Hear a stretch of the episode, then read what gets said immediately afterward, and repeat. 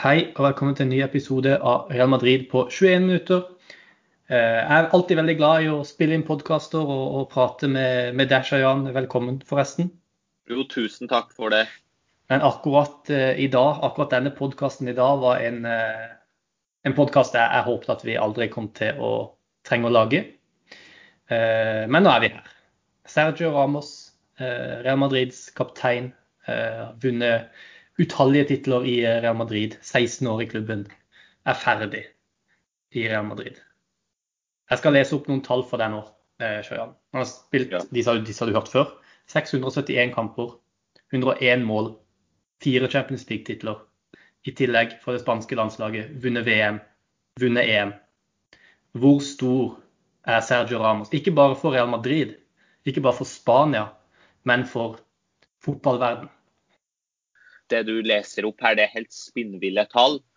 Og Sergio Ramos han er så mye mer enn bare en Real Madrid-legende. Han er gud blant menn. Han er en av tidenes beste forsvarsspillere. Og jeg nekter å høre noe annet. Jeg nekter å høre noe annet. Og du ser det på de reaksjonene, de kommentarene han får på Instagram og på sosiale medier når han annonserer at han legger opp John Terry, Rio Ferdinand, Danny Alves, Tony Cross. Alle som har spilt med han eller kjenner han, de har maksimum respekt for han. Og jeg tror jeg kan ramse opp i hvert fall 100 fotballspillere som har sagt at Ramos er den verste, liksom verste i den grad at han er den tøffeste forsvareren de noen gang har spilt imot. Mm. Og så har du jo hatt eh, forsvarsspillere tidligere som har bidratt med mye mål. Eh, også i Real Madrid eh, med Fernando Hierro, som har et vanvittig målsnitt. Men det er bare noe spesielt med den eh, figuren Sergio Ramos er, den personligheten han er. Eh, med at han tar, ikke bare tar han straffer, men han skårer på Panenka-straffer. Han har på en måte gjort Panenka til sin greie. Han skårer frispark. Han er, har de hardeste taklingene. Han er til tider eh, en, en grusom eh, spiller på banen. Men det er bare noe med figuren Sergio Ramos som er så utrolig stort. Eh, og han har på en måte vært eh, det største symbolet i mine øyne på Real Madrids suksess de siste årene. Du har mm. Cristiano Ronaldo, du har Zinedine Zidane, men de har, altså Ronaldo forlot jo klubben for det første, og Zidane har vært litt frem og tilbake. og Det er liksom Ramos som har vært den mannen, den kjernen i alt. Mannen som skårte La Decima, eh, skåringa 92-48 det er Ramos, som er Real Madrid eh, de siste, ja, det siste tiåret. Og nå er han borte. Og det er jo selvfølgelig en uh, veldig tungt å, å, svelge for oss uh, som er glad i Real Madrid. Du har jo fulgt med i Real Madrid, du sa 2012, stemmer ikke det? Mm. Jo, 2011 faktisk. Ja, og det, det, er jo Da har jo Sergio Ramos vært i Real Madrid så lenge du har fulgt med. Og det mm. er jo eh, Ja, sånn er det nok for veldig mange Real Madrid-supportere i dag. Så hvordan, føles det, hvis vi liksom skal prøve å beskrive hvordan det føles å, å miste Ramos? Nei, det gjør vondt. Og jeg satt faktisk og felte mine tapre tårer da jeg så den seansen. Og det var ett øyeblikk der som virkelig greip tak i meg, og det, det da han kom inn og så på alle trofeene han hadde vunnet. Og så zooma kameraet inn på han, og du så at fyren var knust. Altså, mm. Han var knust. Han gikk opp på talerstolen, for øvrig en veldig fin seanse og en verdig avslutning på en fin karriere i Real Madrid. Han gikk opp på talerstolen, og han kunne ikke snakke. Altså, han, måtte, han felte tårer, han gråt, han måtte ta pauser. Og når han sier sånne ting som at dette er den vakreste etappen han har hatt i sitt liv, og og at han aldri noensinne kommer til å oppleve noe sånt igjen. Altså, det er en verdensstjerne, det er en multimilliardær, men det er vanskelig å ikke la seg gripe av det. for at også, også Noen ser opp til, til, skuespillere, noen ser opp til artister. Vi har sett opp til en som Sergio Ramos helt siden vi ble født, nesten. Jeg kan ikke huske at Real Madrid har hatt en sånn type som Sergio Ramos, helt siden jeg begynte å følge med på fotball. Så det er klart at det gjør det gjør vondt. Det kommer til å sitte i en stund. Det blir rart å se at han ikke er den første som løper ut på banen til oppvarming. Det blir rart å se at han ikke er den første som stiller seg opp for å ta straffespark. Det blir rart å se at han ikke ruver i lufta og gir en albue i trynet til folk. Også hele den pakka med Ramos, det blir rart. Jeg Mm. tror det sitter en stor gruppe med spillere i den garderoben fra første dag i pretemporada, som er 5. juli eller noe sånt, og de kommer til å savne kapteinen sin mer enn noe annet. Ja, det tror jeg også. Jeg tror at eh, El Clásico kommer til å bli eh, kommer rett og slett til å bli noe mye mindre enn det det har vært tidligere når ikke Ramos er på banen. Og det er jo veldig, veldig trist. Men eh, hvis du skulle tro Vi prater jo om La Decima. Alle vet jo hva som skjedde der. Real Madrid ligger under 1-0 mot Atletico Madrid, og Ramos utligner på overtid. Real Madrid går videre og vinner eh, finalen i 2014. eh, 4-1 La Decima. Den tiende Champions League-tittelen som Real Madrid eh, hadde mm, prøvd å få tak i. Det var vel tolv år som de ikke hadde klart å, å vinne Champions League. Og Ramos, ikke bare skårte han det målet i finalen, men han skårte også to mål mot Bayern München i semifinalen eh, på Allianz Arena. Hvilken, I mine øyne så er liksom det den sesongen som virkelig befesta Ramos sin posisjon i Real Madrid. for at du, kunne, du fikk se at ikke bare var han en god forsvarsspiller, men han var også en vanvittig avgjørende spiller for eh, Real Madrid. Hvilken sesong, eller hvilket øyeblikk egentlig mer enn noe annet, har du lyst til å trekke fram som på en måte det største, det mest Sergio Ramos-øyeblikket i Real Madrid, hvis du skulle se bort ifra La Decima-skåringen? Ja, hvis jeg skulle se bort fra La Decima-skåringen, så har jeg lyst til å gi deg et litt delt svar. Og det som du nevnte også tidligere, er at jeg klarer ikke å glemme de to målene han hadde på Allianz Arena mot Bayern München.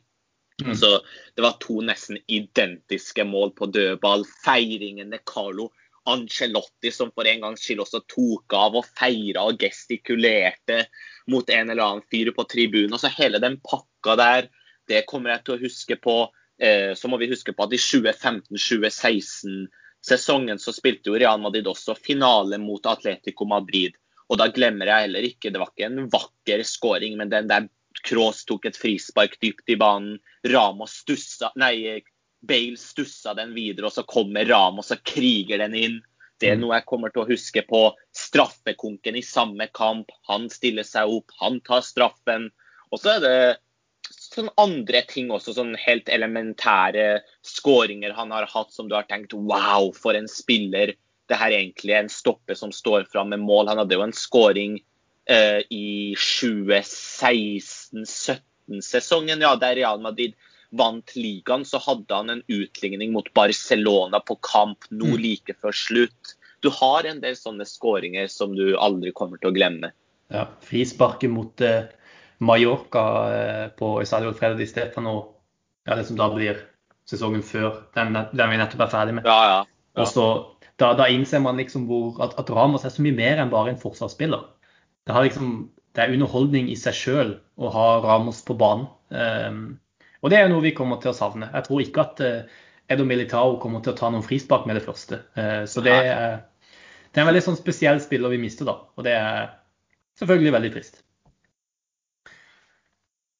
Uh, vi skal prate litt om um, hvordan vi kom hit. For eh, Sergio Ramos er jo en spiller som jeg har sagt har vært i klubben i 16 år. Eh, Det er veldig veldig mange år. 671 kamper. Vanvittig mange kamper. Eh, Men er det én ting som på en måte mange har holdt litt imot Ramos da, gjennom alle disse årene, så er det måten han håndterer eh, kontraktforlengelser i Real Madrid. Eh, Han har en eh, agent, broren hans, som er ganske tøff i forhandlinger. og altså, Som profesjonell fotballspiller på dette nivået så tror jeg man må ha litt tøffe agenter for å ikke f.eks. bli lurt, eller at man kommer godt ut av avtaler. Da. Så det er for så vidt helt fair å ha en tøff agent.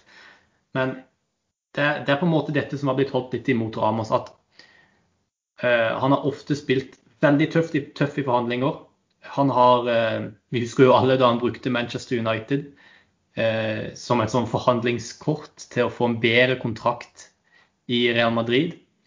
Og denne gangen så har han også spilt tøft, men denne gangen har han kommet tapende ut. hva, hva, først og fremst, hva tenker du om liksom, dette med at eh, Ramos sin ikke nødvendigvis legendestatus, men bare hans, kanskje hans måten vi tenker på Ramos sin tid i Real Madrid, kommer til å bli bare bitte, bitte, bitte grann ødelagt av alle disse kontraktsforhandlingsskandalene, om du vil? Nei, jeg tror ikke det blir ødelagt i det hele tatt pga. det vi har snakka om. Alt han har oppnådd med klubben, alle kampene han har spilt, alt han har vunnet. Men selvfølgelig, eh, i framtida når folk snakker om Ramos, så kommer de jo til å nevne måten han forlot Real Madrid på. Og som du sier, de kontraktsforhandlingene han har hatt tidligere. Han brukte bl.a. United for å få en bedre kontrakt i Real Madrid. Og så må vi heller ikke glemme at han for et par år siden i et møte med Perez ba om å få dra gratis til Kina. Den har gått litt under radaren for mange, men han gjorde det. Og det har vi fått vite av ganske troverdige kilder. Og så må vi heller ikke glemme at han nå ville bli Real Madrid, men han ville det rett og slett ikke nok. Nå siterer jeg vår godeste Martin Hellerud, som skrev denne meldingen i PMN-chatten i går, at Ramos ville bli i Real Madrid, men han ville det ikke nok. Og det jeg reagerer litt på i den pressekonferansen, er at han prøver veldig å styre narrativet. For meg virker det som at han har lyst til å få litt medfølelse av supporterne og av journalistene og vri det over på at det liksom er Florentino Perez og klubben som ikke ville ha han i Real Madrid. Mens kjære Sergio Ramos, hvis du virkelig hadde hatt lyst til å bli i Real Madrid, så hadde du jo godtatt den kontraktsforlengelsen på ett år, når klubben først ga deg det tilbudet eh, rett etter nyttår. Men han valgte å spille det på den tøffe måten. Han sier at det ikke handler om penger, men selvfølgelig gjorde det det. Jeg tviler på at han hadde lyst på de 10 av lønnskutt. Og I tillegg så tror jeg ham når han sier at han vil ha to år at han ville ha stabilitet for familien sin. Og i den alderen han er, du ser at han har blitt litt skadeutsatt, at han vil ha en lengre kontrakt. Men Real Madrid de står i sin fulle rett til å begynne å planlegge en framtid uten han. Når han drøyer og drøyer og drøyer og drøyer og drøyer og skal spille det tøft. Og når han da til slutt for et par uker siden finner ut nei, har kanskje ikke så mange bra tilbud andre steder. Kanskje jeg bør bare bør gå med på å forlenge med ett år. Tilbake til Peres. Og da svarer jo Peres som bare Peres gjør. Du trodde vi forhandla, men det gjør vi ikke. Det er over. Mm. Ja, og jeg er egentlig helt enig med deg. og Det er litt sånn vondt å tenke på. fordi eh, Jeg tenker veldig på Luka Modric, da, som er han er vel et år eldre enn Ramos. Eh, vært i Real Madrid i, i, mange mange år, hatt en strålende sesong. Eh, og får dette, denne kontraktfornyelsen i fanget. Eh, lønnsreduksjon eh, ett år å godta det. Og eh, Det har jo også vært en del rykter knytta til Karim Benzema, at han også har gjort noe av det samme. Jeg vet ikke akkurat om det er like mye lønnskutt der, men det var også eh, noe rykter om at han også tar en lønnsreduksjon for å fornye kontrakten sin med Real Madrid. Men Ramos valgte altså å ikke gjøre det, drøye det så lenge han kunne. Eh, og han har på en måte nå eh, fått litt sånn straffen for å være så tøff i kontraktsforhandlinger. Og jeg føler egentlig at klubben eh, ikke kan klandres for å ikke legge dette kontraktstilbudet med ett år og 10 lønnsreduksjon, som det er prata om, tilbake igjen på bordet. Fordi at de allerede har signert erstatteren. Mm, mm. Jeg tror ikke at Real Madrid hadde signert David Alaba dersom Ramos hadde blitt. Um, og, og, det tror jeg egentlig Ja, så, så jeg, jeg, kan egentlig ikke klandre klubben for dette. Jeg, jeg skjønner Peres veldig godt. Hadde han godtatt tilbudet i januar, så hadde det vært noe annerledes, men han gjorde ikke det. Han drøyde og kom to uker før eh, kontrakten hans gikk ut og sa du, jeg vil ha det tilbudet likevel. Og da var det rett og slett for seint. Ja, også, bare, bare, Hvis jeg kan bare skyte inn flere ting her raskt. og det at jeg leser på sosiale medier at Real Madrid er en skammelig klubb, at de ikke tar avskjed med sine legender. Og det er greit nok, det. Casillas, Raúl, Ronaldo, Pepe, bla, bla, bla. De kunne dratt ut på en finere måte, men i Ramos situasjon Altså middelmålet Real Madrid som klubb, det er jo deres fulle rett til å planlegge en framtid uten en 35-åring som tenker bare på sin egen lønn og vil ha en langtidskontrakt. Her har jeg faktisk lyst til å skryte av Florentino Perez for en gangs skyld. Og det at han står på sitt, han statuerer et eksempel at hvis du vil bli i Real Madrid, så må du godta våre krav. Og Da er det ikke noe å si om du heter Sergio Ramos eller om du heter Christian Schaute. Så lenge du spiller i Real Madrid, så har vi noe krav.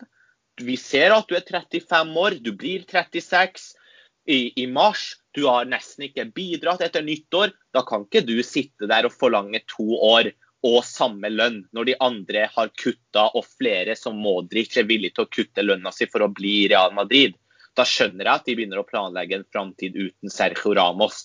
Og så ser de jo at Eden Hazard, at Gareth Bale, at de ga alle disse spillerne langtidskontrakter, og at det kanskje ikke er så lurt å gjøre når du er litt oppe i alderen.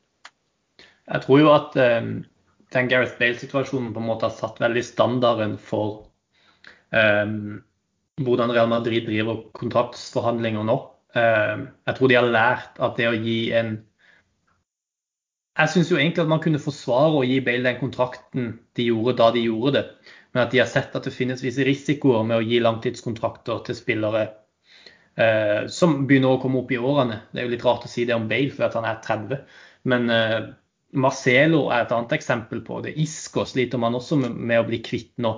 Spillere som er på høye lønninger, som, som faller av veldig tidlig. Um, og det er jo noe av grunnen til at Real Madrid stort sett tilbyr ett års eh, forlengelser til spillere som begynner å, å nærme seg ja, 34-35 år. Men det jeg syns er kritikkverdig her uh, med klubben, det, men det er med klubben som helhet, for dette her har skjedd før. Det er sånn I andre klubber så kunne jeg sett for meg at øh, denne spilleren, en, en, en, spiller som har den legendestatusen som det Ramos har i Real Madrid, i andre klubber, så tror jeg at de kunne tilbudt en, en treårskontrakt. For at de vil så gjerne at han skal legge opp i, i klubben. Og så er det andre faktorer her. Ramos har en lønn som er helt astronomisk, og at det, det, er kanskje ikke holdbart over en treårsperiode, sånn som Real Madrid sliter økonomisk. Det er en del faktorer her som påvirker det. Men jeg kunne sett for meg at det hadde vært tilfellet uh, i andre klubber.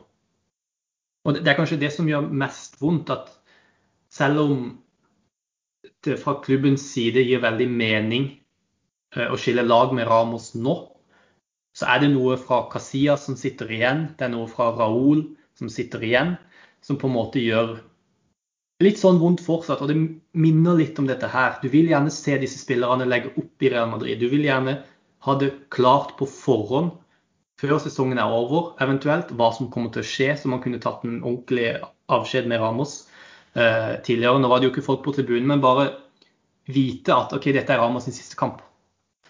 Og det er liksom det jeg føler er kanskje noe av det, det som er vanskeligst med å følge Real Madrid. Det er rett og slett dette her, som har skjedd med Raúl, som skjedde med, med, med Casillas, og på en måte har skjedd med, med Ramos også. Hva, hva, tenker du om det?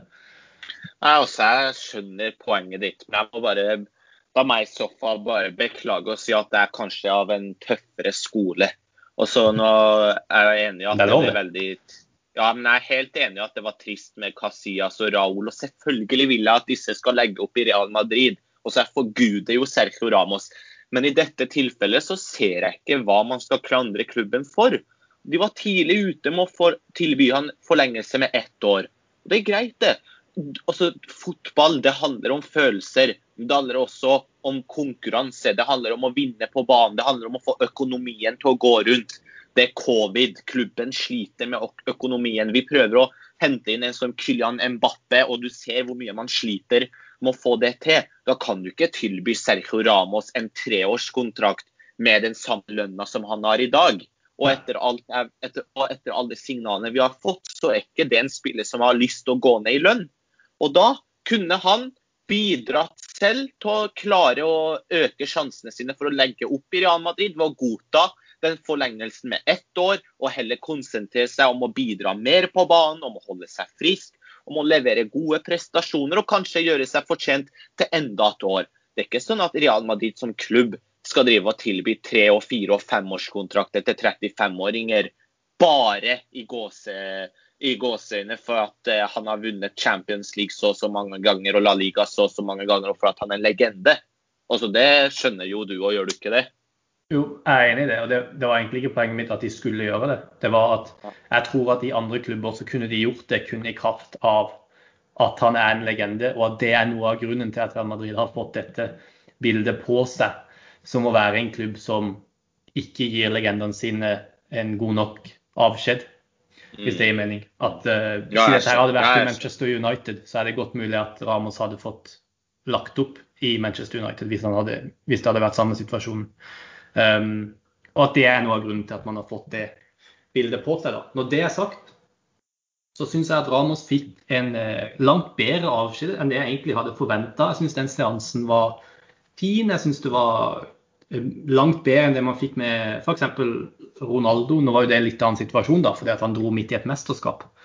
Men allikevel eh, en fin greie. Og ut ifra omstendighetene så syns jeg det var det beste man kunne få til. Med korona, eh, med ingen på tribunen, at det ikke var avklart før nå. Så jeg syns egentlig at Real Madrid skal få litt skryt på måten de, de fikk til det på, da. Ja, ja også, også, noe annet jeg la veldig tydelig merke til. Da, at Real Madrid denne gangen også hadde sendt Emilio Botra Guenio i pressesalen. Så mm. jeg tror kanskje de tenkte litt Vi kan ikke la, la han sitte alene som Casillas gjorde, gjorde i 2015, var det vel. Ja. Så da syns jeg i hvert fall at det ble litt verdigere at Botraguenio starta med å si litt om hvor mye han har betydd og bla, bla, bla. Og så var det en pressekonferanse. Men den seansen i forkant der, den synes jeg var veldig fin med Peres til stede, med Botraguenio på plass og mange av klubbens representanter.